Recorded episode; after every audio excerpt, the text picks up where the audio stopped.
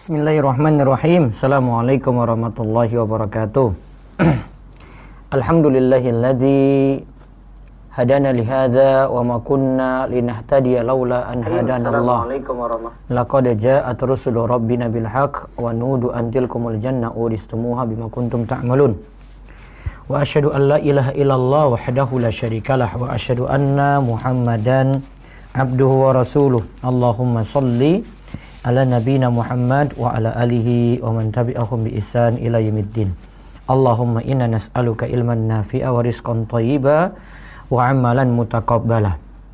Ikhwan wa akhwat, jombloan jomblowati, rekan-rekan muda sekalian yang semoga senantiasa dirahmati oleh Allah dan setiap yang mendengar uh, kajian pada kesempatan malam hari ini kita sebenarnya tidak uh, kasih materi. Namun saya awalnya memberi motivasi dulu sebelum nanti rekan-rekan muda sekalian bertanya lewat telepon atau WA atau nanti di YouTube dan juga lewat Zoom. Nanti lewat Zoom bisa bertanya langsung perihal masalah perjodohan. Ya dimohon untuk membahas masalah perjodohan. Nanti saya akan tanya ini dari jomblo apa bukan gitu. Kalau bukan maka nanti kami tunda pending untuk besok pagi. Besok pagi juga ada sesi tanya jawab langsung. Uh, walaupun memang temanya tentang apa solusi utang riba tetapi dari pembahasan besok pagi bisa tanya secara umum juga untuk kajian Ba'da subuh jam 5 seperempat sampai jam setengah 7. Nabi SAW katakan seperti ini. Dari Anas bin Malik radhiyallahu anhu dalam hadis disebutkan Rasulullah wasallam bersabda, "Idza tazawwajal 'abdu faqad kamala nisfad din." Falyattaqillaha fin nisfil baqi. Jika seorang itu menikah, idza tazawwajal 'abdu, jika seorang itu menikah, maka ia telah menyempurnakan separuh agama. Maka bertakwalah kepada Allah pada separuh yang lainnya. Hadis ini diriwayatkan oleh Al-Baihaqi dalam Syu'abul Iman. Hadis ini disahihkan oleh Syekh Al-Albani. Nah, hadis ini kata para ulama inilah hadis yang menunjukkan keutamaan menikah. Al-Mula Ali Al-Qari dalam Mirqatul Mafatih Syara Mishkatul Masabi itu berkata, sabda Nabi Shallallahu alaihi wasallam bertakwalah pada separuh yang lainnya. Maksudnya bertakwalah pada sisa dari perkara agamanya di sini dijadikan menikah sebagai separuh. Ini menunjukkan dorongan yang sangat besar untuk menikah. Karena separuh agama tercapai dengan menikah. Apa pengertiannya separuh agama ini? Al-Ghazali, Imam Al-Ghazali rahimahullah, ini sebagaimana dinukil oleh Al-Mula Ali Al-Qari. Umumnya, kata Imam Al-Ghazali, umumnya yang merusak agama seorang itu ada dua dan ini perkara maksiat yang seputar dua ini. Yang pertama itu karena kemaluan, yang kedua itu karena perut. Saya ulang ya. Yang pertama itu karena kemaluan, yang kedua itu karena perut. Karena kemaluan ini ya terjerumus dalam zina, karena perut ini ya ini urusan harta ini. Urusan perut kenyang. Nah, menikah berarti menjaga diri dari salah satunya, yaitu kemaluan sudah terjaga maka peluang untuk berzina ya tidak seperti kalau ya seorang itu belum menikah karena dia sudah ada tempat pelampiasan. Dengan nikah berarti seseorang membentengi diri dari godaan syaitan, membentengi diri dari syahwat, dan lebih menundukkan pandangan kata Imam Al-Ghazali. Jadi yang jelas hadis ini jadi salah satu dalil ini keutamaan menikah separuh agama itu jadi sempurna. Kalau separuh agama sempurna, kemaluan sudah terjaga, maka ya dari sisi kesehariannya, kehidupannya insya Allah dia akan lebih tenang dibandingkan yang belum menikah. Apalagi Allah itu katakan wa min ayatihi an khalaqalakum min anfusikum azwaja litaskunu ilaiha. Dan di antara tanda-tanda kekuasaan Allah adalah Allah menciptakan untukmu istri-istrimu dari jenismu sendiri supaya kamu cenderung dan merasa tentram. Ketika punya istri merasa tentram.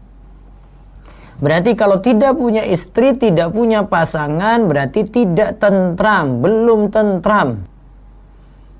Di samping itu juga ketentramannya karena rizki itu semakin dicukupi. Sebagaimana yang Allah itu katakan, wa ankihul ayyama minkum wassalihina min ibadikum wa imaikum iyakunu fuqara yughnihumullahu min fadli wallahu wasi'un alim. Dan nikahkanlah orang-orang yang sendirian. Oh berarti para jomblo. Nikahkanlah orang-orang sendirian di antara kalian dan orang-orang yang layak untuk menikah dari hamba-hamba sayamu yang laki-laki maupun perempuan. Lalu Allah katakan di sini iya kunu fuqara. Yughnihumullah min fadli. Jika mereka itu dalam keadaan fakir, dalam keadaan miskin, maka Allah yang akan beri kecukupan kepada mereka. Dengan karunia Allah. Allah wasi'un alim. Sesungguhnya Allah itu maha wasi' Jadi si Allah itu begitu luas. Alim Allah itu maha mengetahui. Ini jadi dalil Orang yang menikah itu akan senantiasa dicukupi oleh Allah. Saking yakinnya di sini para sahabat mengamalkan ayat ini. Mereka amalkan itu karena yakin kalau dengan menikah Allah cukupkan rizki. Makanya Ibnu Mas'ud radhiyallahu anhu berkata tentang ayat ini yaitu maksud dari ayat tadi iya kunu fuqara jika kalian itu dalam keadaan miskin yughnihumullahu min fadli maka Allah akan beri kecukupan kepada ya, jika mereka dalam keadaan miskin maka Allah akan beri kecukupan kepada mereka Ibnu Mas'ud katakan iltalmisul ghina fin nikah. Carilah kaya itu dengan menikah. Apalagi juga kata Nabi SAW ada orang-orang yang mendapatkan pertolongan Allah. Di antaranya ladhi yuridul afaf. Ada yang menikah yang menginginkan untuk menjaga iffah, menjaga kehormatan dirinya. Ya menjaga kehormatan dirinya berarti dia tidak ingin terjerumus dalam zina, menjaga kesucian dirinya itu. Dan di samping itu juga ini menjaga ini menjalankan sunnah Nabi Shallallahu Alaihi Wasallam dan juga dengan menikah itu akan menjaga kemaluan dan lebih menundukkan pandangan. Mata lebih terjaga nggak banyak galau ya ikhwan dan akhwat sekalian. Terjaga. Tenang. Namun tentu saja bukan berarti gini ya Ustadz yang penting kan saya punya pasangan. Sudahlah pacaran sajalah. Ustadz sekarang kita pacaran islami saja. Saya lihat di beberapa akun Instagram ini sudah terlalu apa kadang hubungan terlalu berlebihan dan itu diekspos ya. Ini laki-laki si perempuan. Saya kalau mau menyebut ikhwan akhwat tuh uh, suatu penyebutan terhormat kalau saya. Jadi kalau ada yang sudah keliru itu saya nggak mau lagi. Ya prinsip saya sih ya saya nggak mau nyebut ikhwan ahwat lagi gitu. Sudah bilang laki-laki perempuan aja lah. Jadi sebelum menikah itu ya mungkin karena nggak sabar atau bagaimana ya. Atau mungkin prinsip dia itu mungkin uh, menurut dia itu uh, pacaran islami lah. Ini punya si laki-laki punya akun, si perempuan punya akun, kemudian mereka join ini bikin akun sendiri di Instagram, mau beranjak untuk menikah atau bukan beranjak, ini belum, ini baru persiapan, baru planning, juga nggak tahu kapan nikahnya juga gitu. Ya itu sudah bikin akun bersama, terus nanti ada foto jalan bersama, ya satu jilbab ya satu ini ya rajin baca sholawat atau apalah, kemudian jalan bareng, semua di expose itu semuanya itu ditampakkan, dipublish di Instagram gitu. Sampai nanti mau lamaran, ya itu di akun yang tadi bersatu ini mereka. Sampai nanti menikah. Iya, iya kalau jadi menikah alhamdulillah gitu. Kalau jadi menikah putus di tengah jalan kecewa besar itu. Maka ikhwan ahwan nggak usah tempuh cara kayak begini ya, nggak usah uh, saking galaunya itu dia tempuh cara yang nggak sabar tadi menunjukkan nggak sabar ya jangan jelas ini maksiat gitu. Apalagi yang sudah nutup aurat sempurna. Jaga ada ada batasan gitu. Ikhwan akhwat ada batasan. Saya kasih contoh saja Sofwan ini laki-laki yang salah satu laki-laki yang mati syahid ketika di medan perang. Sebelumnya, sebelum dia itu mati syahid, dia digosipkan berzina dengan Ummul Mukminin Aisyah radhiyallahu anha dalam hadis yang dikenal dengan hadisul ifki. Dalam hadis yang dikenal dengan hadisul ifki. Saya ingin sebutkan sini uh, bagaimana para sahabat dulu bergaul ya. Jadi Aisyah itu ceritanya dia tertinggal diri rombongan yang ketika mau mau nyampe ke kota Madinah, rombongan dari perang Bani Mustolik ini mampir di suatu tempat sebelum masuk kota Madinah. Aisyah di situ. Nabi SAW kan bareng Aisyah memang berangkat karena Aisyah ini termasuk istri yang uh, berhasil dapat undian. Artinya Nabi SAW ketika pergi itu mengundi istri-istrinya, ah, giliran Aisyah ketika itu untuk berangkat. Nah pulang dari perang ini, mereka mampir satu tempat, Aisyah kemudian tunaikan hajatnya, kemudian yang bawa sekedup atau tandu yang pokoknya untuk mengikul Aisyah itu mereka ganti shift. Shift baru kemudian Aisyah lagi tunaikan hajatnya. Lantas dia merasa kalungnya hilang kemudian cari-cari lagi kalungnya. Yang shift yang baru ini kemudian pergi begitu saja karena mereka nyangka Aisyah sudah di dalam mereka tanpa tanya-tanya lagi gitu. Satu pelajaran sini sahabat dulu sangat menghormati istri Nabi SAW Sampai mau ngomong saya tanya Aisyah sudah di dalam apa belum? Mereka nggak mau nanya. Saking memuliakan istri Nabi Shallallahu Alaihi Wasallam seperti itu. Mereka pergi. Dan memang Aisyah katakan bahwasanya ketika itu dia memang dalam keadaan sangat-sangat kurus. Nah kemudian pergi. Aisyah tertinggal karena masih cari kalung gitu ya. Normalnya wanita kalau kalung itu ketinggalan di kamar mandi misalnya ya saat ini ya pasti balik ya. Aisyah juga seperti itu dia cari-cari kalungnya. Kemudian dapat. Namun Allah tadi rombongan sudah pergi. Mereka kira Aisyah sudah ada di situ. Ternyata belum. Sofwan ini juga telat. Dia ketinggalan dari rombongan tadi juga dia pas pulang jalan-jalan-jalan. Terus dia sontak itu mengucapkan Inna lillahi wa inna ilaihi rajiun Inna lillahi wa inna ilaihi rajiun. Kaget lihat Aisyah ketinggalan di situ. Kok dia tahu itu Aisyah? Padahal Aisyah kan untuk aurat ya. Pakai penutup wajah gitu. Kok tahu ya? Dulu sebelum ayat hijab itu turun, uh, si Sofwan sudah tahu keadaan Aisyah itu kayak gimana. Face-nya, bentuk tubuhnya gitu sudah tahu. Kemudian baru turun ayat hijab, Aisyah seperti itu keadaannya. Maka dia sontak uh, kaget kemudian mengucapkan inna lillahi wa inna ilaihi rajiun. Satu kalimat. Namun setelah itu Aisyah gak nanggapi apa, Terus Sofwan cuma lihat untanya, terus dekatkan ke Aisyah, Aisyah naik, Sofwan bawa.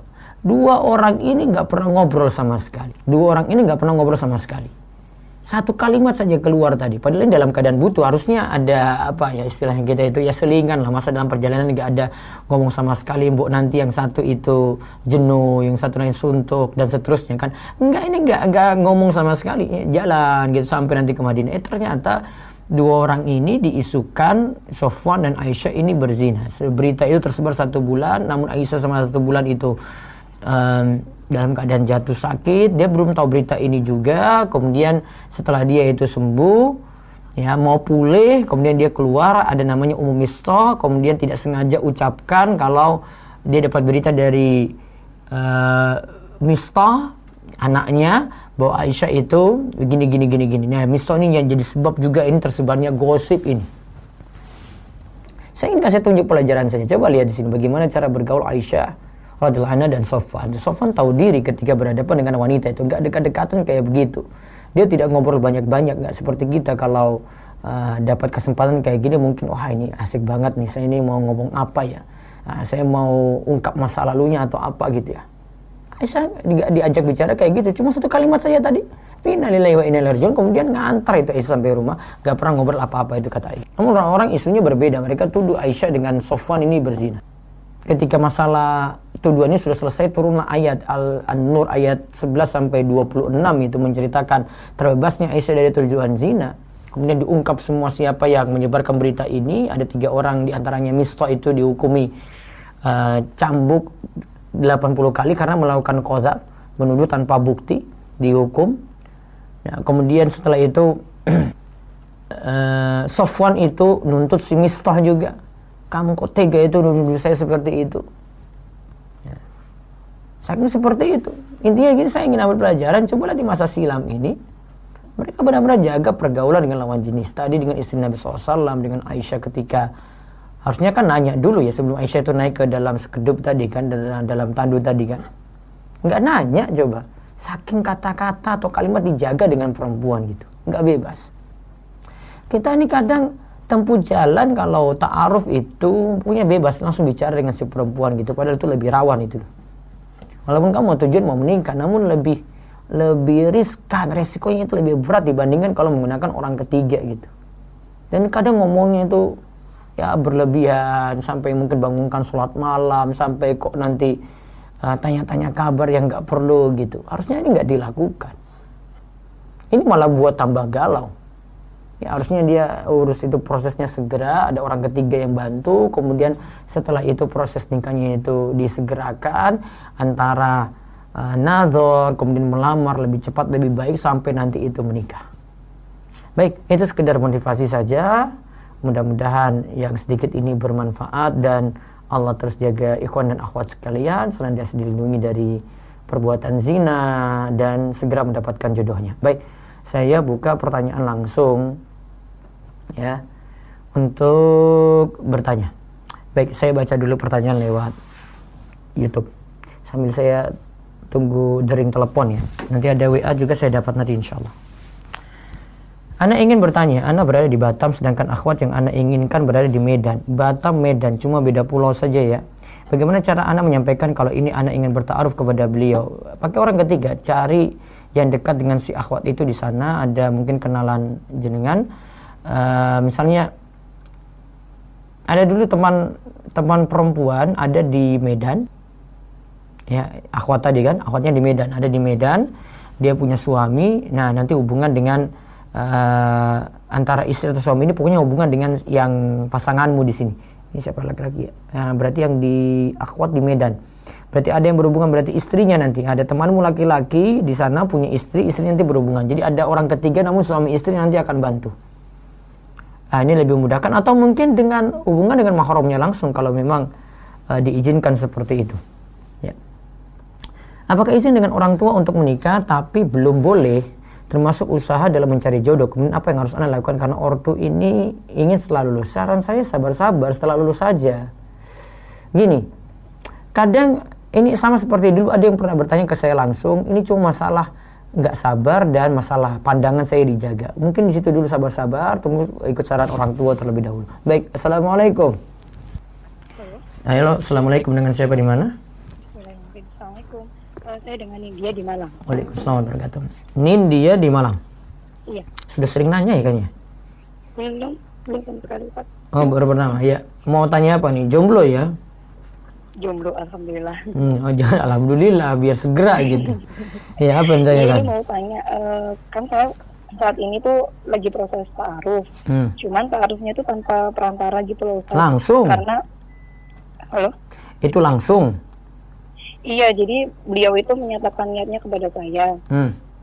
Terus terus? Uh, beliau tuh baru hijrah katanya, baru kan kita belum kenal gitu. Terus pas uh, beberapa kali kenal gitu, cuman kenal tapi nggak kenal yang deket banget gitu loh saat. Terus dia menyatakan uh, niatnya untuk bertaaruf dengan saya. Terus dia langsung hubungan denganmu berarti lewat WA gitu? Iya, awalnya lewat WA gitu, hmm, tapi kayaknya menolak gitu loh Ustaz. Hmm, terus? Karena karena kan saya takut menghindari zina gitu. Yeah. Terus saya bilang kalau misalkan pengen taaruf, mending lewat perantara gitu. Tapi karena beliau tidak punya perantara, akhirnya dia ini melalui WA gitu Ustaz. Itu gimana ya Ustaz? Tapi kita nggak pernah kayak uh, kayak ngingetin ngingetin ngingetin gitu kan nggak pernah gitu. Jadi cuman kayak tanya visi misi aja gitu selebihnya itu kita nggak pernah WhatsApp sekali dan kita tidak pernah simpen nomor satu sama lain gitu Iya tahu tahu, tapi perasaan itu tetap ada. Gak mungkin cuma hambar-hambar aja nggak mungkin. Iya itu gimana ya Ustadz? Iya saya tahu keadaannya, saya pernah tahu kayak begitu, nggak usah puter-puter gitu loh. Iya, itu gimana ya Ustadz? Iya, kayak saran saya orang ketiga kalau enggak dengan orang tuamu atau kakakmu gitu yang laki-laki gitulah. Iya, saya anak tunggal Ustadz, sama seperti beliaunya juga anak tunggal gitu enggak eh, ada keluargamu misalnya tantemu ke atau ada keluargamu lah yang nanti nanti hubungan denganmu aja langsung jadi enggak enggak ke perempuan langsung gitu ini masalahnya gini Ustaz eh, keluarga saya kan orangnya masih awam ya kejawen gitu loh Ustaz oh. dan ketika beliau ke sini langsung nazar itu uh, ini apa namanya orang tua itu masih nyari tanggal gitu loh Ustaz saya uh, juga bingung ini nah sekarang gini dulu Uh, kamu sudah cocok dengan si laki-laki belum? Kenapa gimana Ustaz? Sudah cocok apa belum? Insya Allah sudah. Sudah tahu data-data dia? Insya Allah sudah. Lewat CV dia pernah ngasih CV ke saya, saya juga udah pernah ngasih CV ke dia gitu. Terus tanya ke teman-temannya gitu, ada mungkin tahu uh, terus ngajinya, dia ngaji nggak? Ngaji Ustaz, kita satu ini, satu kajian. Oh, cinlok berarti. Iya mungkin. Iya saya mungkin. Saya pernah ketemu dia, dianya yang tahu saya gitu Ustaz. Oh, berarti dia lirik gitu pas kajian itu. iya. Kalau sudah seperti itu ya sudah kalau gitu uh, dianggap cukup. Jadi nggak banyak komunikasi lewat apa, lewat WA dulu. Terus setelah itu kalau memang dia serius sudah suruh datang ke rumah, beritahu ke orang tua dulu. Terus ini Ustaz, apa namanya kan orang tua itu masih kayak kejadian gitu loh. Iya, tahu ya. Dia nanti hitung-hitung tanggal gitu. Iya itu gimana ya Ustaz saya soalnya kalau yeah. untuk mendawai orang tua itu katanya orang tua tuh nggak ngerti apa apa masih kecil baru ngaji aja gitu Ustaz. Nah, Dan di, uh, di hmm. kalangan saya pun hmm, hmm. orangnya masih suka ini hitung-hitungan gitu Ustaz. Iya paham. Iya. Kalau gitu gini. Uh, langsung ke orang tua saja pokoknya bicarakan dulu mau setuju untuk menikah dengan dia gitu nanti masalah pernikahan nanti urusan belakangan atau biar nanti orang tua ngurus sendiri kamu mau nurut aja gitu biar lebih cepat berarti nggak apa-apa ya Ustaz kalau misalkan itu memang kita nurut orang tua tanggal-tanggal gitu ya Ustaz ya sebenarnya masalah kalau bagi saya gitu tapi masalahnya ada ada yang lebih urgent daripada itu biarin aja mereka nanti yang ngurus kemudian uh, kamu yang penting bisa nikah. Oh iya gitu. Iya. Kalau enggak kamu mikir yang ini nanti sudah si Ikhwan nih nanti menunggu terus kamu mikir ini lagi yang nggak jadi-jadi. Oh iya. Iya. iya.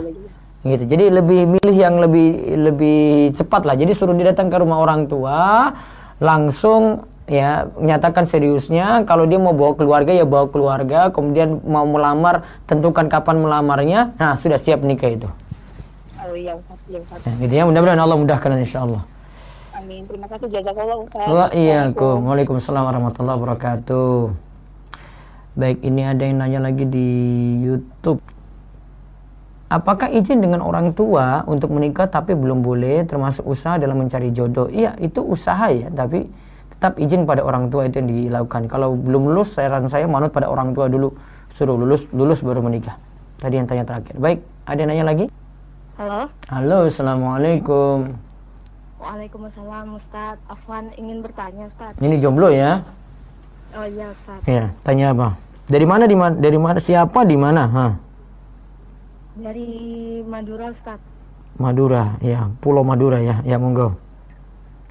Uh, tapi pertanyaannya bukan tentang itu, Ustaz, tentang nikah taruh, Ustaz. Apa tentang apa? Aduh, ini punya tentang masalah jomblo ini. Kamu nggak galau nggak apa gitu?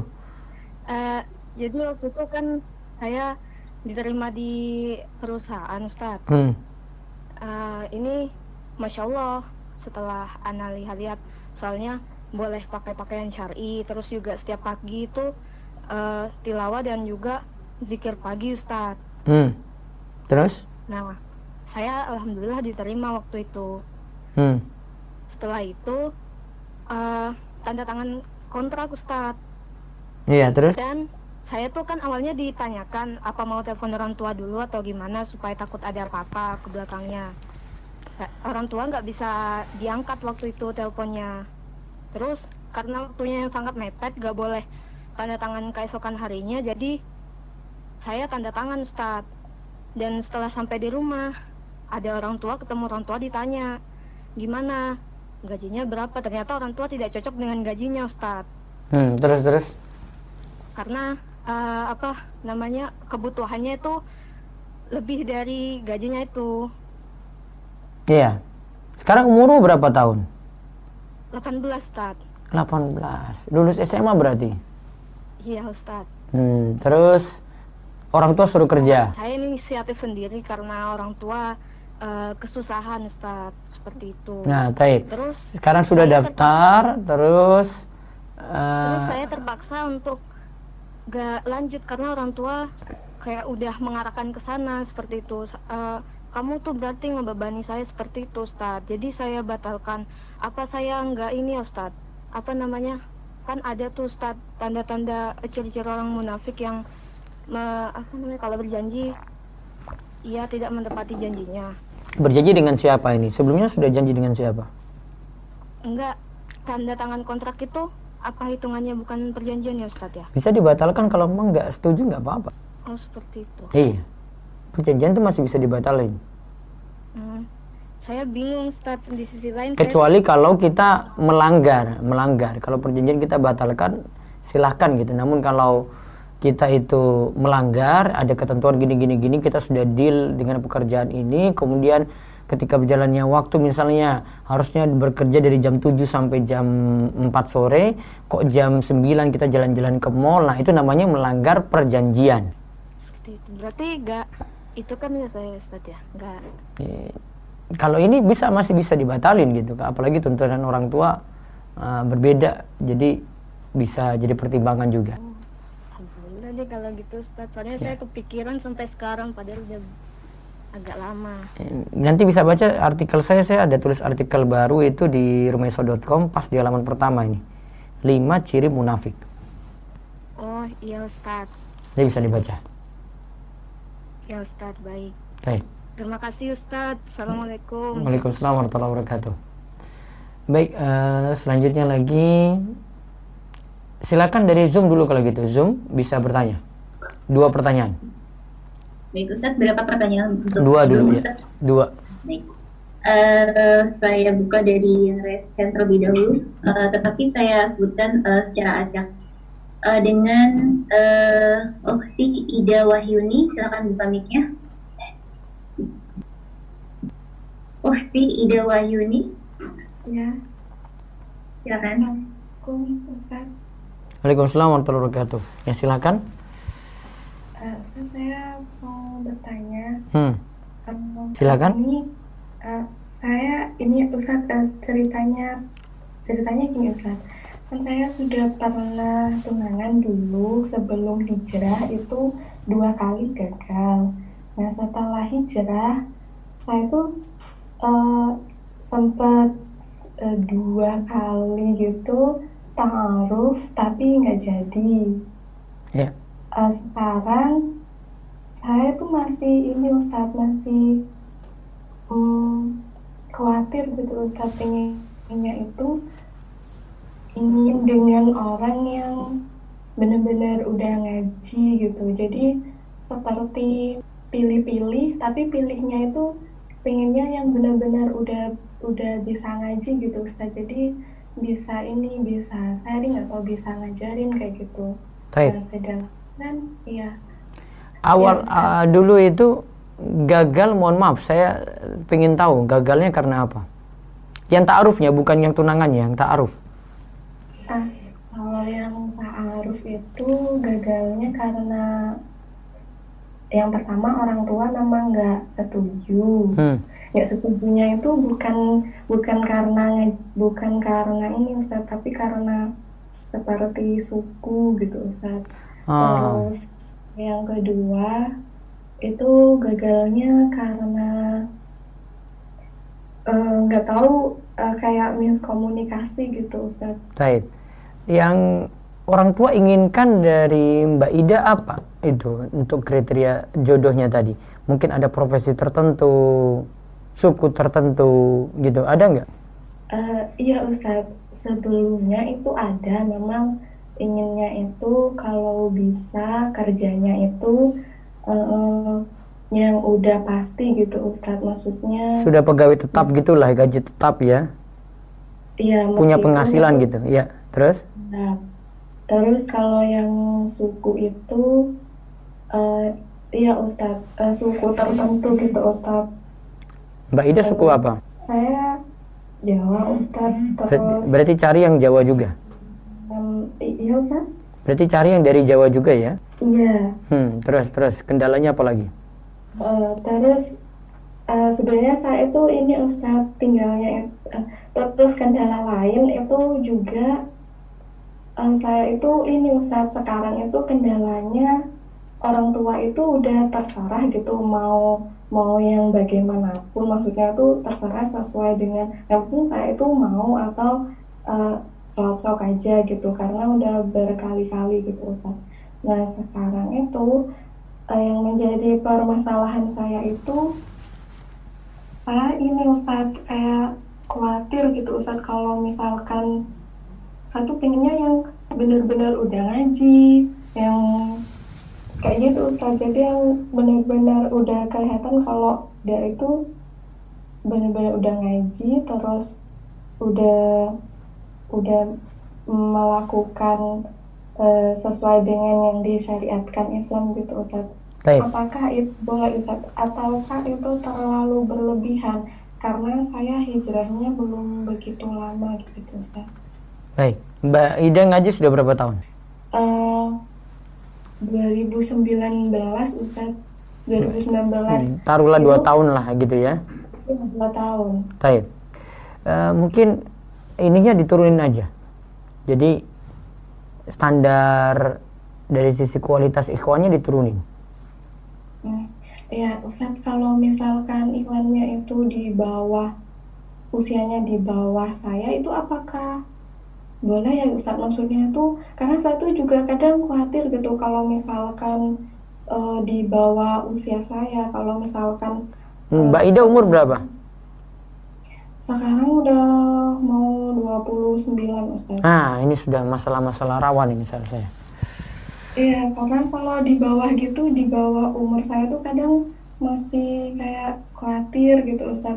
Eh, khawatirnya tuh ntar nggak bisa uh, mana ya Ustaz kayak nggak bisa ngasih tahu gitu karena yang dulu itu waktu waktu pertama kali dulu tunangannya tuh terus kan saya nggak mau saat itu karena dia itu uh, kayak nggak bisa ngingetin gitu apa apa ya baik. kayak, saya sudah uh, sudah eh, sudah ini uh, lebih persingkat nanti biar yang lain nanti punya kesempatan bertanya.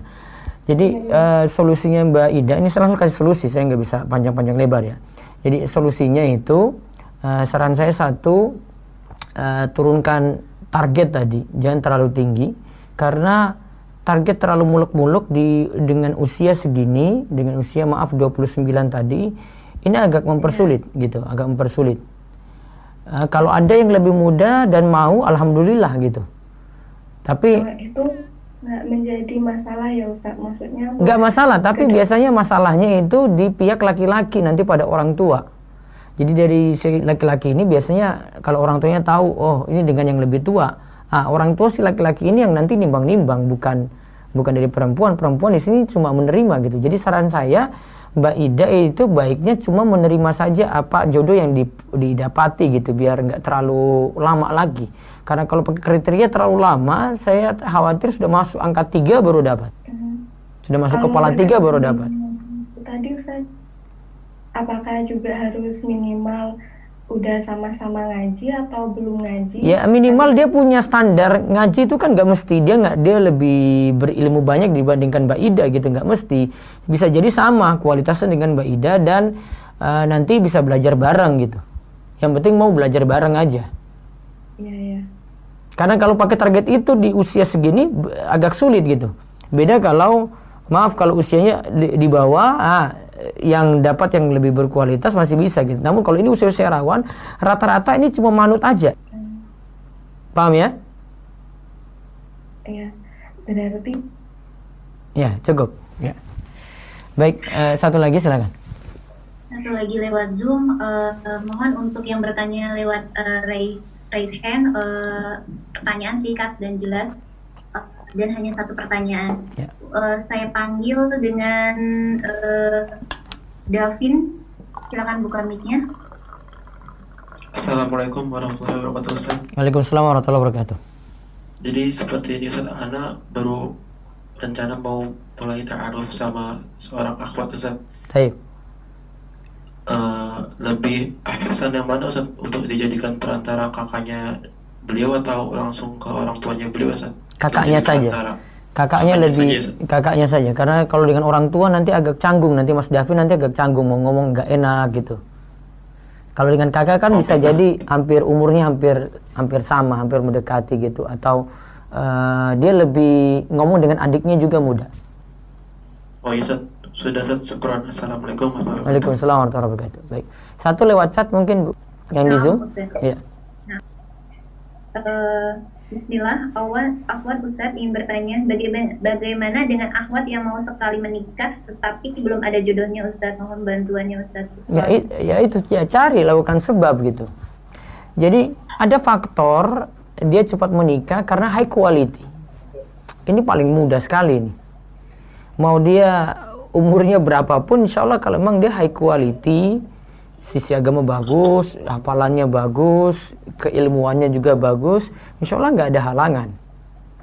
Namun jadi masalah kalau yang baru awal-awal hijrah gitu.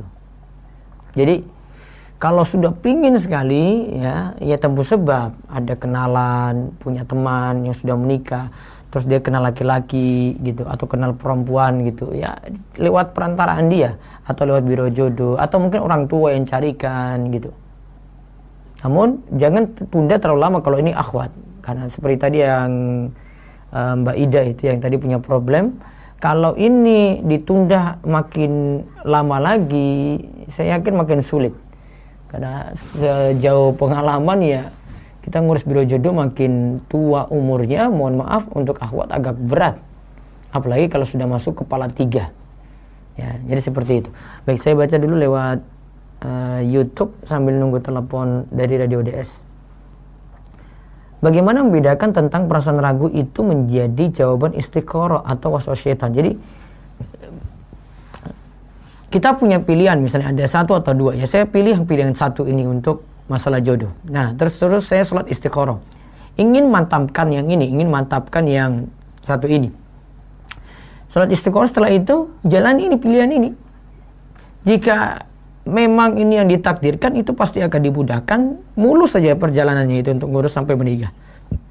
Namun kalau ini bukan maka akan dipersulit. Artinya kok ada saya kok baru tahu si ikhwan ini kayak begini. Oh ini kok kelakuannya baru saya tahu. Oh saya dengar dari yang lainnya dibilang dia tuh kayak gini gini gini. Akhirnya si akhwat memutuskan untuk nimbang lagi lanjut. Ini mau lanjut enggak ya? Ke rembuk lagi dengan pihak keluarga katanya gak usah lanjut. Ini sifatnya itu jelek. Ya sudah. Nah, itu tanda. Bahwasanya tadi itu dari jawaban istiqoroh ya dia dipersulit dalam ya pengurusan sampai menikah tadi. Nah itu bisa jadi tanda jawaban dari istiqoroh tersebut. Baik ada telepon? Ya silakan. Assalamualaikum.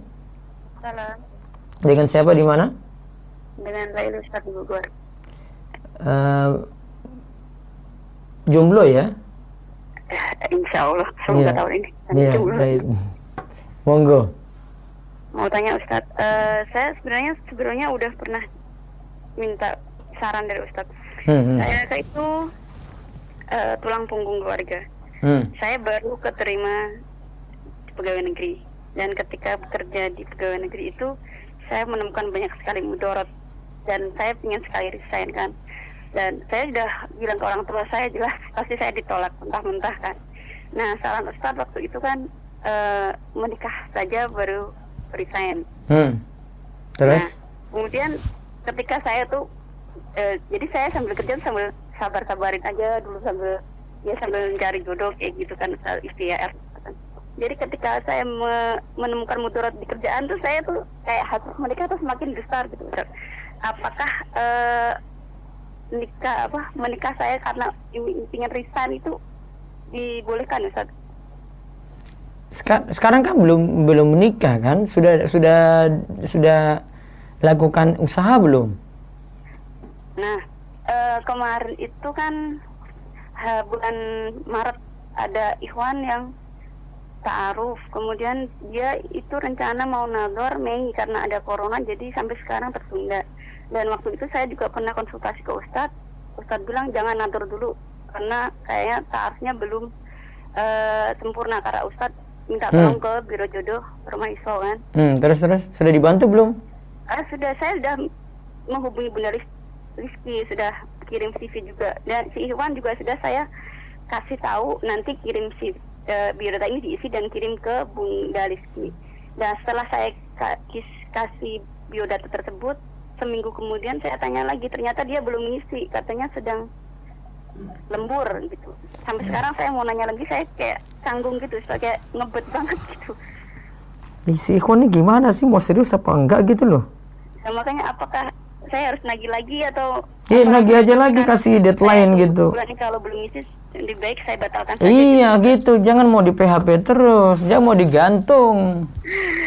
Makanya jadi saya tuh kayak kalau kerja tuh pengennya tuh ya Allah biar segera menikah pengen bisa iya, iya sudah sudah betul itu gitu, mm -hmm. hasrat menikah semakin tinggi dan pengen segera keluar gitu Ustaz Iya, bisa saya seperti itu. Yang jelas tadi ikwannya ini ini yang bikin masalah nih gantung si Ahwat aja ini. Iya kemarin udah saya tanyakan Jumat. Iya, jadi Jumat ini sekarang tanya terakhir aja. Lembur nggak bisa masa misi CV aja sampai nggak bisa. Saya tapi saya nggak nanya lagi sih. Saya mau konsultasi ke Ustadz dulu ini. Uh, iya, jadi ini ini sekarang deadline terakhir. Aja, Ini sekarang deadline terakhir kasih tahu dua hari ya. Kalau sudah saya mohon maaf gitu nggak mau lanjut. Gitu aja. Iya diancam-ancam dikit nggak apa-apa kok. Terus kalau untuk niatan menikah saya karena ingin resign juga itu dibolehkan nggak Ustaz ya? boleh. Karena saya merasa kayak hukum menikah bagi saya itu udah mending wajib boleh. Kuadrat gitu. Boleh. Karena saya nggak mau banyak mudarat di kerjaan saya itu kayak saya terlalu takut. Saya itu apa belum bisa resign tapi saya masih udah dipanggil gitu. Saya kayak takut takut banget gitu. Padahal iya, saya boleh. kan kata Ustaz hmm, jika dihadapkan dengan dua mudorot kita boleh memilih mudarat yang kecil untuk menghindari mudarat yang besar kan iya. daripada orang tua saya kan sakit uh, vertigo sama darah tinggi kalau saya tuh ngepus pengen keluar pengen keluar sebelum menikah itu kayaknya uh, beliau tuh kayak down banget gitu ya gitu tadi saran saya sudah yang penting solusimu cuma iya gitu ya Cukup, baik. Selanjutnya lagi. Ya, kalau Wah, iya, Kong. Terus ada yang nanya lagi ini dari YouTube. Ya, sebentar dari WA dulu. Wow. Saya juga ada pertanyaan untuk pertanyaan mengenai jodoh. Kakak saya belum mengenal sunnah, masih pacaran dan calonnya ini masih kerja di bank. Namun cowok ini tahu akan hukumnya sedikit tapi masih mengabaikan. Saya pribadi sudah mengingatkan dan tidak setuju, namun orang tua setuju-setuju saja. Bagaimana hukumnya jika kakak saya jika tetap melanjutkan pernikahannya? Yang penting sudah dakwahi. Uh, tugasmu cuma bisa menyampaikan saja. Apalagi di sini orang tua juga nggak paham dan si kakaknya juga nggak paham gitu. Jadi bisa mungkin saja. Ini kan urusan dia nanti dengan calonnya nanti ketika sudah menikah kemudian yang satu masih kerja yang haram kan itu urusan dia. Nanti sudah beritahu lepas tanggung jawab kalau sudah beri nasihat. Terus beri nasihat ya jangan putus asa. Bagaimana Kia tetap sabar di saat usia sudah memasuki 27 tahun tapi belum kunjung juga mendapatkan jodoh. Terkadang suka bingung juga lewat perantara siapa sudah tanya ke rekan terdekat yang dipercaya juga belum ada. Keluarga belum kenal. Kajian jadi kalau dibantu dari kakak dikasih referensinya sama yang belum ngaji dan merokok. Oh, jangan mau. Kadang suka pasrah tapi tetap berharap. Ya Allah segera datangkan jodoh terbaik darimu. Walaupun saya nggak tahu dia datang dari sebelah mana. Karena saya juga kurang luas bertemannya jadi kurang banyak kenal orang. Ini yang nanya yang ini ini uh, usia 27 tahun ini saya kasih rekomendasi aja deh nanti hubungi Bunda Liski ya. Bawa rekaman saya saja ini nanti beritahu beliau. Mudah-mudahan bisa dibantu. Saya akhwat 24 tahun. Saya dan ketiga kakak perempuan saya berusia 37, 35, 27 selalu gagal nikah. Oh, ya Allah. Kami baru tahu kalau kami tersihir satu keluarga dibuktikan dengan rukiah. Dan temukan puluhan buhul di rumah dan pekarangan rumah kami kami bingung gimana cara nikah Tats. Soalnya penyihirnya tidak berhenti menaruh buul dan dia masih ada hubungan kekerabatan. Kami oh ini kayaknya punya masalah dengan keluarga ini. Ya ini bisa jadi karena sihir. Ini masa empat-empatnya ini nggak jadi nikah. 24 tahun, 27 tahun, 35, 37 sampai kakaknya yang usia 37 tahun nggak nikah-nikah juga. Nah ini bisa jadi karena buhul tadi. Saran saya dirukiah semuanya cari uh, tukang rukiah yang amanat. Kemudian rukiah ini mudah-mudahan itu jadi solusi nantinya sehingga cari jodoh lebih mudah. Saya adalah seorang janda usia 31 tahun yang ditinggal wafat oleh suami. Sudah enam bulan Ustadz. Apakah saya sudah pantas untuk menyukai laki-laki lagi Ustadz? Jika iya apakah saya pantas juga sebagai seorang perempuan janda mengungkapkan perasaan kepada laki-laki sedangkan sang laki-laki sepertinya tidak ada perasaan apa pun? Cari yang mau ya Bu. Jangan jangan ibu yang maju untuk ya, tawarkan pada laki-laki cari yang mau dengan ibu aja dulu Bagaimana cara menghilangkan was-was saat berwudu? Nah, enggak saya jawab. Jika ada seorang duda yang mengajak untuk serius kepada saya namun ikhwan tersebut belum kenal kajian sunnah dan usia kami terpaut terlalu lumayan jauh. Dan di tempat kerja kami juga belum pernah ngobrol atau apa-apa nam, apa namun kata orang ikhwan tersebut tekun ibadahnya. Ini juga uh, kali pertama bagi saya. Apa yang sebaiknya saya lakukan Ustadz ditolak atau bagaimana? Uh, coba pertimbangkan ke orang tua dulu ya saya takut ini kalau diterima orang tua nggak setuju karena ini dengan duda, ya gadis dengan duda gitu. Orang tua biasanya pada pertimbangan ini apa yang orang tua jawab itu nanti yang diikuti. Uh, baik, uh, terus lewat YouTube dulu. Telepon langsung belum? Nah, satu telepon baru saya setelah ini beralih ke Zoom. Uh, silakan. Uh, baik, Assalamualaikum warahmatullahi wabarakatuh. Waalaikumsalam warahmatullahi wabarakatuh. Silakan. Iya. Uh, perkenalkan nama Ana Abdullah dari Pekanbaru. Iya. Silakan Abdullah. Ya. Uh, alhamdulillah, uh, Ana alhamdulillah keduanya memiliki kecocokan gitu. Hmm. Dan uh, alhamdulillah uh, kedua keluarga uh, kami sudah. Namun uh, kesepakatan yang didapat uh, dari hasil pertemuan tersebut yaitu uh, uh, apa ya? Halo halo. Iya. Ya bentar terputus. Namun kesepakatan yang didapat uh, pernikahannya baru bisa digelar iya. setelah uh, setelah si akhwatnya wisuda Ustaz.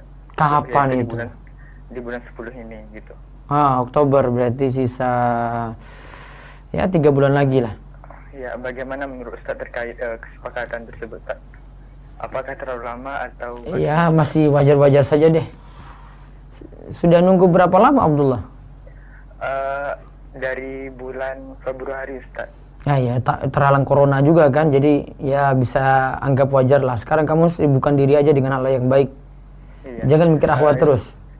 Iya, jadi uh, selama waktu menuju masa tersebut, hmm. uh, kira-kira uh, hal apa saja yang bisa saya lakukan atau bicarakan ke akhwatnya Ustaz, mengingat uh, uh, atau mungkin membicarakan hal-hal yang teknis atau bagaimana gitu. hal-hal teknis nanti kalau sudah dekat saja dan itu kebanyakan urusan keluarga bukan urusanmu iya uh, jadi selama waktu tersebut uh, kira-kira yang bisa saya lakukan tuh apa-apa aja Ustaz? Yang kamu lakukan sekarang pelajari buku-buku tentang nikah. Sama satu lagi, pelajari buku tentang talak atau cerai. Nanti. Iya. Dua ini. Karena ada yang menikah nggak tahu hukum ini sampai menikah langsung sudah ucapkan kata talak. Nah itu biasanya dia fatal salahnya di situ. Yang salah-salah ini jangan terjadi maka uh, coba gali-gali ilmu. Kalau talak sih saya baru punya tulisan ya di website rumesa.com saya belum punya video. Terus kalau masalah pernikahan sudah ada di remajaislam.com itu untuk untuk persiapan. Ada juga di website di sini website rumesa.com itu tentang kewajiban suami, kewajiban istri. Di buku-buku fikih itu banyak sekali membahas tentang kewajiban suami istri ini bisa dipelajari. Iya, uh, jadi Ustaz, uh, uh, yang saya jalani sekarang ini memang betul-betul uh, saya tidak melakukan uh, komunikasi langsung dengan akhwatnya. Saya adakan uh, wali dari kakak ipar Rana, hmm. walinya. Nah, jadi uh, uh, apakah nggak perlu uh, saya lakukan komunikasi untuk lebih nanti nanti aja. memang begitu jauh Ustaz. Uh, iya nanti aja. Uh, sudah nanti aja gitu ya. Cukup? Iya. baik. Baik Ustaz. Jazakallah baik lewat zoom silakan. Dua pertanyaan. Baik Ustaz, uh, saya bacakan yang chat terlebih dahulu. Karena yang masuk chat banyak sekali. Uh, Bismillahirrahmanirrahim. Assalamualaikum. Waalaikumsalam warahmatullahi wabarakatuh. Semoga Ustadz, Ustadz, keluarga dan tim selalu dalam lindungan Allah Subhanahu Wa Taala. Amin. Hmm. Ustadz, Afwan izin bertanya. Ustadz, Ibu Ana selalu khawatir ke Ana karena Ana belum menikah. Yang hmm. Ibu Ana khawatir karena Ana kerja di rumah dan jarang keluar rumah. Ustadz, oh. kondisi kondisi ini yang membuat Ibu Ana takut Ana nikah di usia tua Ustadz sedangkan anak takut untuk mengikuti ta'aruf e, lewat media ustadz dan keluarga anak juga belum mengenal sunnah itu yang membuat e, anak takut mohon solusinya e, untuk anak ustadz jazakallah Uh, solusinya sebenarnya rasa takutnya dihilangkan ya. Soalnya kalau dia rasa takut terus ya nggak jadi-jadi. Kunci dia ya pada dirinya sendiri situ. Kalau nggak mau cari sebab masih takut-takut terus ya sudah berarti nggak akan dapat. Harus lakukan sebab gitu, cari. Ada tempat ada sebab misalnya uh, cari lewat biro jodoh, tempuh itu. Ada sebab kenalan dari orang tua atau kenalan dari teman gitu. Tempuh itu juga nggak bisa rasa takut terus kalau rasa takut terus ada yang nggak bisa nikah nikah gitu ya terus satu lagi Baik, uh, satu lagi lewat raise hand uh, saya pilih secara acak dengan uh, Etika Purnama Sari. Si Etika Purnama Sari, silakan buka mic-nya. Ya. Silakan. Silakan. Oh, si Etika Purnama Sari. Ya. Assalamualaikum warahmatullahi wabarakatuh. Waalaikumsalam warahmatullahi wabarakatuh. Silakan. Uh, ya Ustadz, ini kemarin kan saya pernah baca di IG Ustadz itu tentang menolak ikhwan yang baik agama dan akhlaknya karena fisik. Hmm. Apa memang diperbolehkan Ustadz? Padahal kan ada hadis yang uh, menyuruh kita, akhwat dan juga walinya itu untuk memilih ikhwan yang baik agama dan akhlaknya agar kita beruntung. Kalau kita menolak ikhwan yang baik agama dan akhlaknya, apa nanti kita nggak merugi atau kita ada dampak apa? Baik. Gitu, Sekarang secara ini saya, saya kasih alasan secara logika aja, nggak usah ini, nggak usah saya pandang dalil dulu lah. Kira-kira kalau ada yang wajah face-nya nggak serak untuk si akhwat, akhwat mau nerima nggak? Bagaimana? Kalau kalau sebenarnya uh, sebenarnya ini sama juga dengan kasus saya uh, sebelumnya ini sebenarnya saya uh, ya ini apa namanya ingin menerima beliaunya dari hmm. sisi agama dan akhlaknya. Tapi dari sisi fisik itu orang tua masih belum setuju nah itu. Karena fisiknya hmm, karena alasan itu kita nggak nolaknya dari itu kan nggak menolak agamanya. Kalau seperti itu terus seolah-olah yang bagus agamanya akan memaksakan kehendak pokoknya dia dia dengan siapa pun harus diterima gitu loh. Hmm, ya ya ya. Iya kan? Kita nggak nolak agamanya, ya. agamanya nggak ditolak. Si yang ada kisahnya itu seorang wanita ya Sabit bin Qais itu istri, istrinya istri Sabit bin Qais nolaknya itu bukan karena akhlaknya dia bilang saya bukan karena protes akhlaknya agamanya bukan saya kalau tetap lanjut dengan dia ini, saya bisa kufur nikmat gitu dia bilang. Hmm. Dia akui agamanya enggak? Akui. Agamanya enggak dia nihilkan situ enggak. Enggak dia bilang zero, enggak agamamu itu enggak ada apa-apanya, enggak. Masalah dia sudah dia sudah terus terang sama Nabi loh. Seandainya saya mau lanjut dengan dengan suami saya, saya bisa kufur nikmat. Alasan dia apa apa salah? Enggak. Ini bagi yang sudah menikah. Ini kasus cerai loh ini. Iya. Yeah. Apalagi yang belum punya ikatan apa-apa. Masa nggak boleh nolak? Sebagaimana laki-laki kan pilihannya juga kayak begitu. Nggak adil dong. Hmm. Iya kan? Taruhlah ini, yeah. ini, ini, ini, ini, ini pokoknya akhlaknya itu luar biasa. Terus ibadahnya luar biasa. Taruhlah ustadz lah gitu udah datang. Namun si ahwat dia kurang serak dengan wajah, ya gak bisa dipaksakan. Fisiknya dia gak serak, gak bisa dipaksakan itu. Itu akhirnya jadi orang berdalih semua. Pokoknya yang jadi punya ilmu tinggi, punya uh, akhlak bagus, harus paksakan si wanita untuk menikah dengannya. Uh, gak bisa, Islam gak kayak gitu. Hmm. Itu nanti gak ada sifat ridho lagi. Padahal untuk menikah itu harus saling ridho kan antara laki-laki dan perempuan perempuan awalnya nggak serak kok masa dipaksakan paham ini ya ya Ya, ya Ustaz. Hmm. Uh, tapi apakah dengan seperti itu kita masih punya kesempatan untuk masih Ikhwan ya? Masih. Masih. Kan Ikhwan bukan hanya dia saja. Yeah. Jadi kalau ada Ikhwan yang yang pede bilang kayak gitu, saya ini bagus agamanya, masa kamu nggak mau dengan saya? Dia terlalu pede, ngapain menerima dia? Makanya nggak ada yang lebih baik kepada dia, Pak.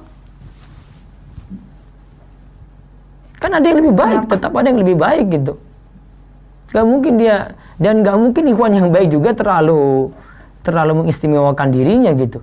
Oh gitu ya? Kamu nolak saya ya? Ini apa-apaan dia? Mungkin cuma dia saja yang baik. Masih banyak. Paham ya? Cukup? Yeah. Waalaikumsalam. Baik, ada satu lagi lewat Zoom silakan. Baru saya beralih ke WA dan YouTube. Saya bacakan lewat chat, Ustaz. Ya. Bismillah, Assalamualaikum. Waalaikumsalam warahmatullahi wabarakatuh. Semoga Ustadz dan kita semua senantiasa dalam penjagaan Allah Subhanahu wa taala.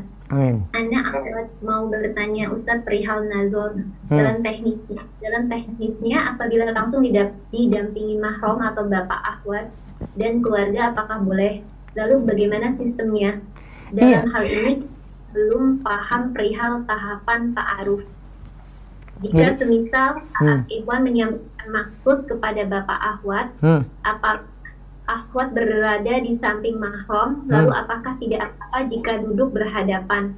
Mohon penjelasannya Ustaz. Nah, tapi ini berarti ya. Berarti ini pembahasan teknis ya. Jadi gini. Tolong fixkan dulu ta'arufnya. Jadi uh, kenal baik-baik uh, seluk-beluk si pasangan ini, calon pasangan ini dikenal baik-baik biar nanti ketika ingin nazar, apalagi situ didampingi orang tua dan ini memang yang paling bagus saya sarankan ya. Itu biar tidak banyak jadi mundur gitu jadi saran saya tetap uh, pelajari ta'aruf dunia dulu, ta'aruf dimatangkan dulu. Ini ini ini pengalaman tim biro jodoh ya.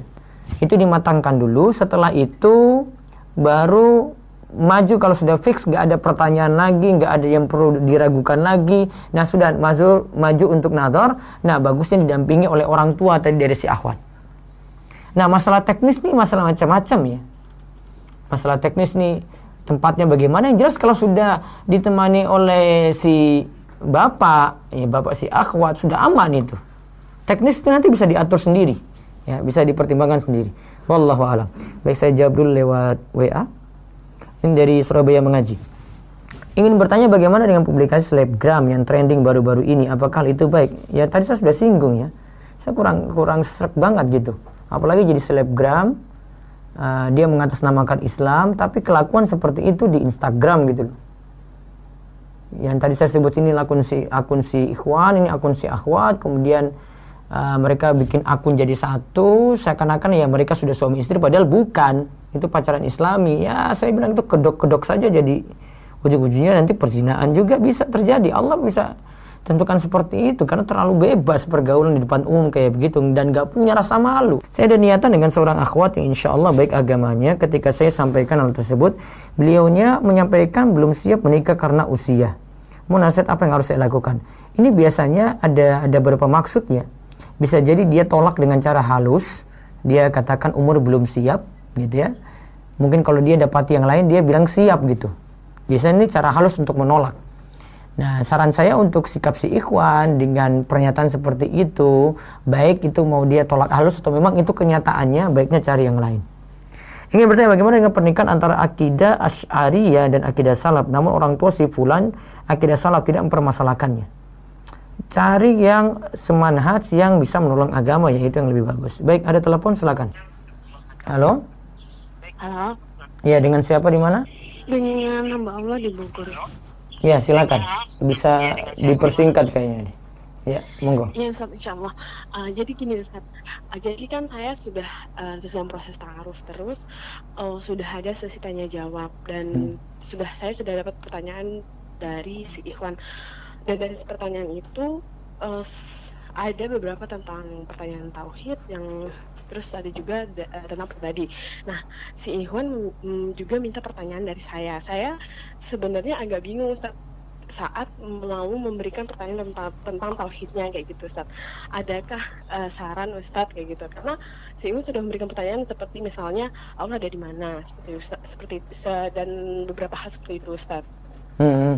terus terus. Jadi jadi maksudnya saya juga bingung Ustaz kalau kan kalau pandangan saya ketika dia sudah uh, memberikan pertanyaan seperti itu berarti uh, kemungkinan besar dia juga paham untuk ilmu-ilmunya gitu Ustaz. Jadi saya juga bingung mau nanya pertanyaan tentang tauhid apalagi gitu Ustaz. Ada kasaran Ustaz?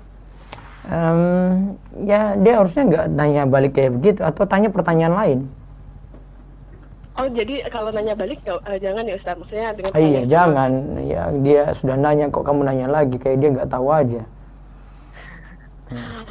Bisa dengan pertanyaan lain misalnya tentang uh, kehidupan keluarga begitu. Kewajiban suami itu bagaimana? Kewajiban istri seperti apa gitu. Istri boleh di rumah saja nggak kerja nggak. Ah gitu nah itu kan pertanyaan yang ini ya dia harus punya prinsip juga kan kalau jawab. Misalnya dia bebasnya sudah nggak apa-apa kamu nanti kerja saya biarin. Nanti kita sewa pembantu saja untuk ngurus rumah. Nah, ini kan tanda kurang peduli sebenarnya. Ya kan bisa dari situ bisa ketebak. Oh, baik, ya jadi seputar keluarga saja seputar rumah tangga atau seputar kewajiban suami istri. Baik Ustaz. Baik, cukup ya? Ya Waalaikumsalam warahmatullahi wabarakatuh. Baik, saya jawab lewat YouTube dulu. Sudah banyak yang galau. Tunggu ya, rekan-rekan YouTube buat ikhwan jangan mentang-mentang agamanya antum bagus jadi merasa tinggi antum banyak nih teman anak kayak gini pakai ilmu padi makin berisi makin perunduk iya betul terus kalau arti dan makna mencintai karena Allah itu apa tats mencintai karena agamanya ya jadi mencintai karena agamanya terus apa Ustaz mau tanya apabila setelah istiqoroh sudah ada tanda bahwa akhwat itu tidak baik dan saya tidak mau lanjut namun akhwat tersebut maka sampai sekarang bagaimana sarannya? Tolak dengan cara halus. Ya, atur kalimatnya sendiri. Assalamualaikum Ustaz Waalaikumsalam warahmatullahi wabarakatuh dari Musda. Lebih baik mendahulukan bayar utang atau menikah. Kalau utang gak jatuh tempo masih bisa menikah, silakan menikah dulu. Izin bertanya, saya akhwat umur 41 tahun. Belum menikah Qadarullah selama ini selalu gagal sampai sekarang saya mengidap penyakit bagaimana solusinya. Kalau memang menikah berarti cuma pasrah. Artinya siapa pun yang datang harus siap. Sampai pun nanti ada yang mau poligami denganmu berarti juga siap. Karena usia ini saya tidak uh, sulit sekali untuk membantu untuk usia segini juga. Allah Terus dari YouTube lagi. Assalamualaikum Ustaz. Waalaikumsalam warahmatullahi wabarakatuh. Ustaz, bolehkah merahasiakan lamaran dari orang tua? Karena saya pribadi tidak mau jika pernikahan saya nantinya dicampuri dengan adat istiadat. Gak kayak gini ya prinsipnya ya. Ini yang nanya, uh, tolong perhatikan orang tua itu kan ini anaknya. Masa dia tidak punya peran serta, tidak mau melihat anaknya itu bahagia ketika menikah. Itu bagaimana perasaan anak kayak begini gitu Saya kalau jadi orang tamu saya kecewa banget sama kamu loh ini. Saya besarkan kamu terus sudah sampai besar kayak begini untuk lamaran kamu nggak mau beritahu cuma gara-gara nanti orang tua nggak campur dalam adat. Ini kan urusanmu untuk dakwah orang tua. Ya, jadi jangan kayak gini akhirnya hubungan dengan orang tua jadi rusak. Eh, nanti saya yakin selanjutnya penuh masalah lagi dengan orang tua gitu loh. Jadi tolong timbang baik-baik ya terus anda ta'aruf dengan seorang akhwat dan sudah berencana untuk menikah karena sudah sama-sama cocok tapi tiba-tiba akhwat tersebut bilang belum siap untuk nikah apakah itu berarti anak ditolak? Nah itu bahasa halusnya itu. Nah jadi biasanya ada bahasa-bahasa uh, dia nggak langsung nyampaikan gitu. Memang agak uh, agak berat untuk menerima alasan kayak begini. Namun itu biasanya tanda dia tidak mau lanjut. Jadi alasannya dia nolak kamu tapi pakai cara halus. Jujur nggak munafik nggak mau nerima Ustadz karena salah satu memandang face menumbuhkan rasa cinta. Bagaimana tanggapan Ustadz pernikahan yang viral baru-baru ini Ustadz di mana ada pernikahan dengan mahar sendal jepit. Mahar sendal jepit. Kalau menurut Imam Nawawi yang kemarin saya sebutkan tentang mahar ya. Mahar itu sesuatu yang punya nilai pokoknya bisa diperjualbelikan ya. Kalau ini ya bisa namun ya ya kurang inilah. Ya kita nganggap kurang pantas gitu ya. Karena kalau dia masih bisa kasih lebih yang lebih berharga lebih bagus. Izin bertanya Ustadz, untuk jadi mak comblang, menurut syariat syaratnya apa saja Ustadz? Amanat. Dan dia kalau bisa ya mak comblang ini ya tahu aturan syariat, tidak membuat yang mau dijodohkan ini akhirnya jadi ngobrol, uh, ngobrol tentang masalah cinta di situ, ngobrol tentang masalah ini, dia harus ngatur itu. Dia cuma perantara saya, jadi nggak disatukan dalam satu grup kalau zaman ini.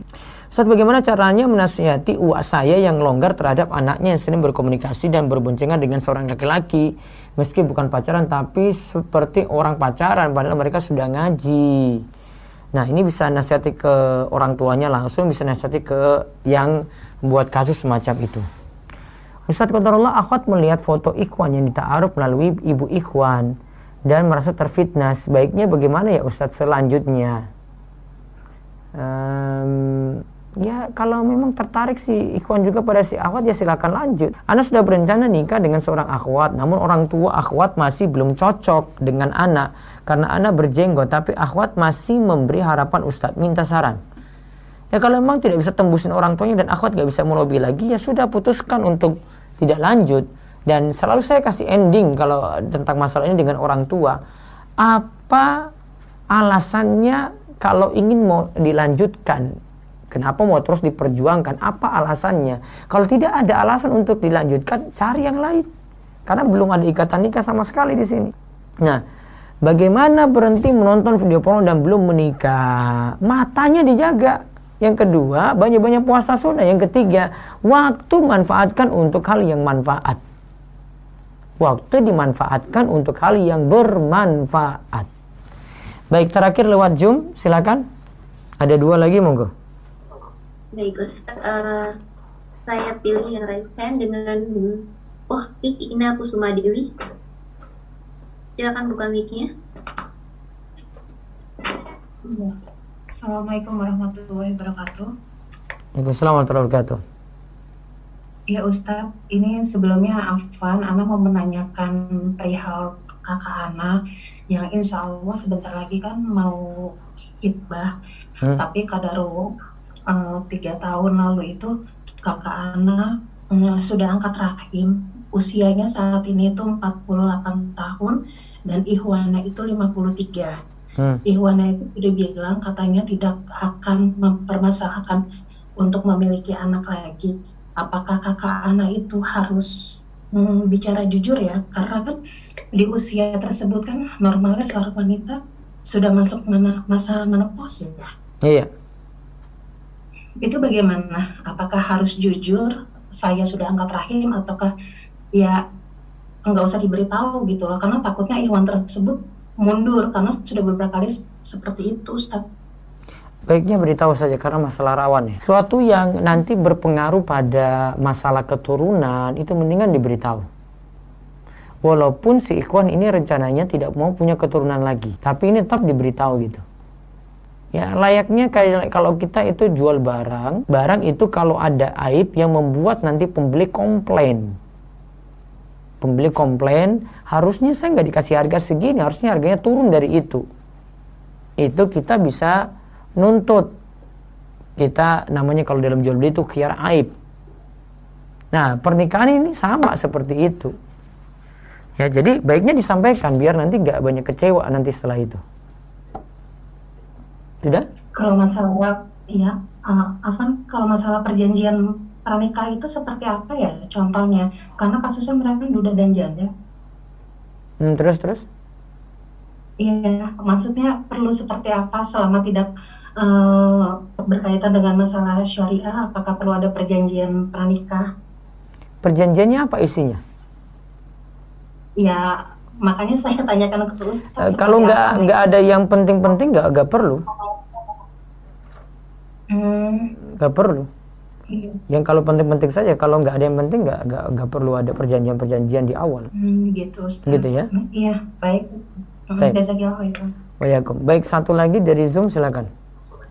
Baik, uh, ada dengan uh, Ohti Rara. Silakan buka mic-nya. Ohti Rara.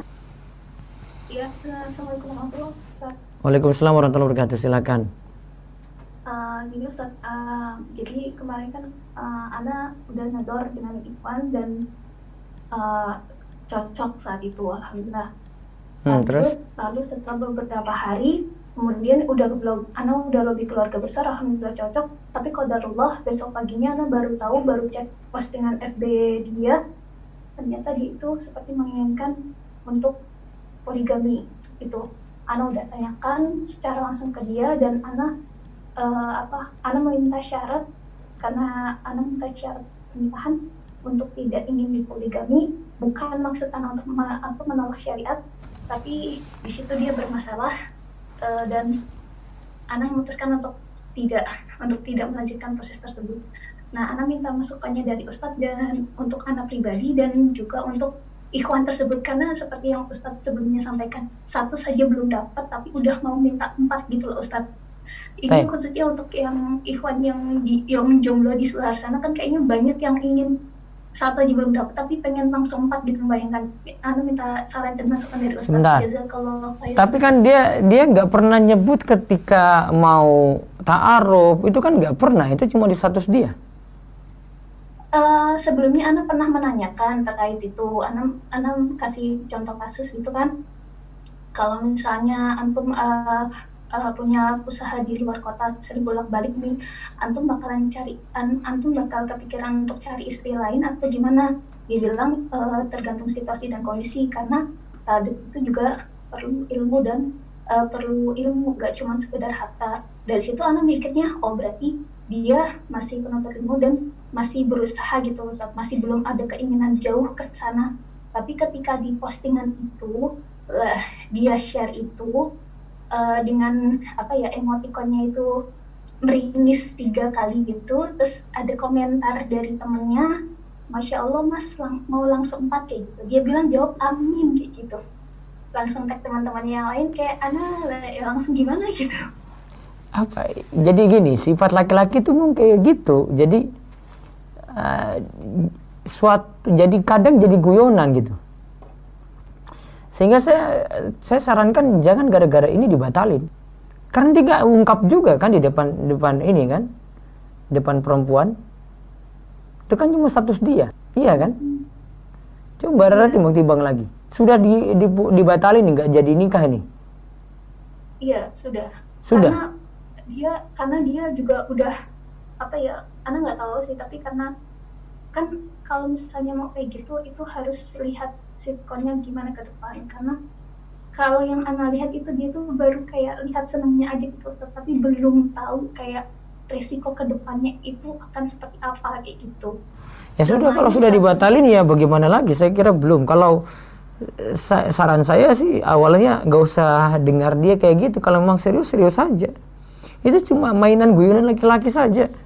Kadang juga nggak berani tapi gitu. Ana rasa dia bukan tipe Ana rasa kalau dari jawaban dia hmm. sama secara langsung anak ini kayak anak tanya kan lewat moderator dia memang serius mau di situ Ustaz. Jadi bukan kayak guyonan yang seperti laki-laki lain gitu. Ana juga sebenarnya udah tanya kan ke teman anak, teman anak bilang itu guyonan mungkin biasanya kan sama laki-laki atau udah itu kayak gitu. Ana jawab enggak dari responnya dia, dari jawabannya dia seperti ini. Anak tanya maksudnya itu apa? Uh, apakah tidak diperbolehkan laki-laki itu apa ya uh, menjalankan syariat yang bahkan itu sudah tertulis di, di Al-Quran, Sunnah hmm. dan lain-lain kayak gitu. Dia udah kayak gitu. Ya, ya sudah kalau dibatalin. Saya kira belum. Kalau sudah ya sudah. Hmm. Namun kalau ada yang kayak gitu, itu suatu yang ini ya. Jadi kalau belum menikah pun kayak gitu sifat laki-laki. Cuma cuma ngomong-ngomong aja gitu. Belum tentu realisasinya dia realisasikan itu belum tentu. Ada yang nggak berani ada yang punya ilmu masih timbang-timbang ada yang nggak mau hancurkan rumah tangganya ya. Dan ada yang lain lagi. Faktornya banyak. Gitu ya cukup ya? Oh iya Ustaz. Jazakumullahu khairan Ustaz. Kum taib. Satu dari Zoom kemudian saya closing. Nah, Ustaz, uh, saya bacakan lewat chat Ya.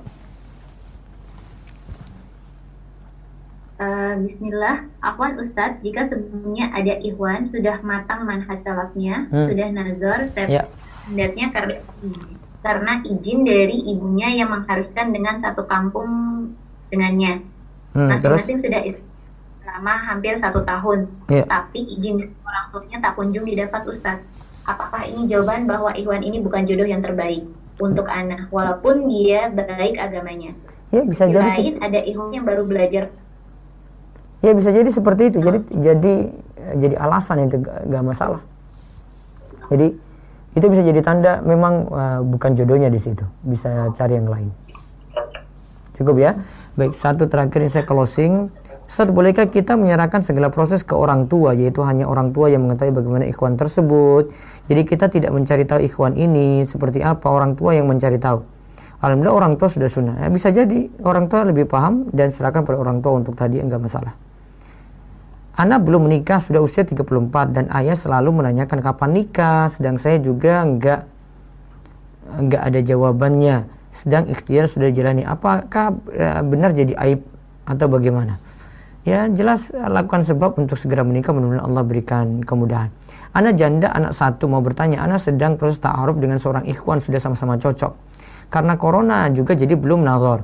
Uh, tapi kami terkendala restu orang tua ikhwan ustadz katanya gara-gara satu sosial aneh seorang janda bagaimana Ustadz mau dilanjut atau tidak? Jadi kuncinya pada si ikhwan ya.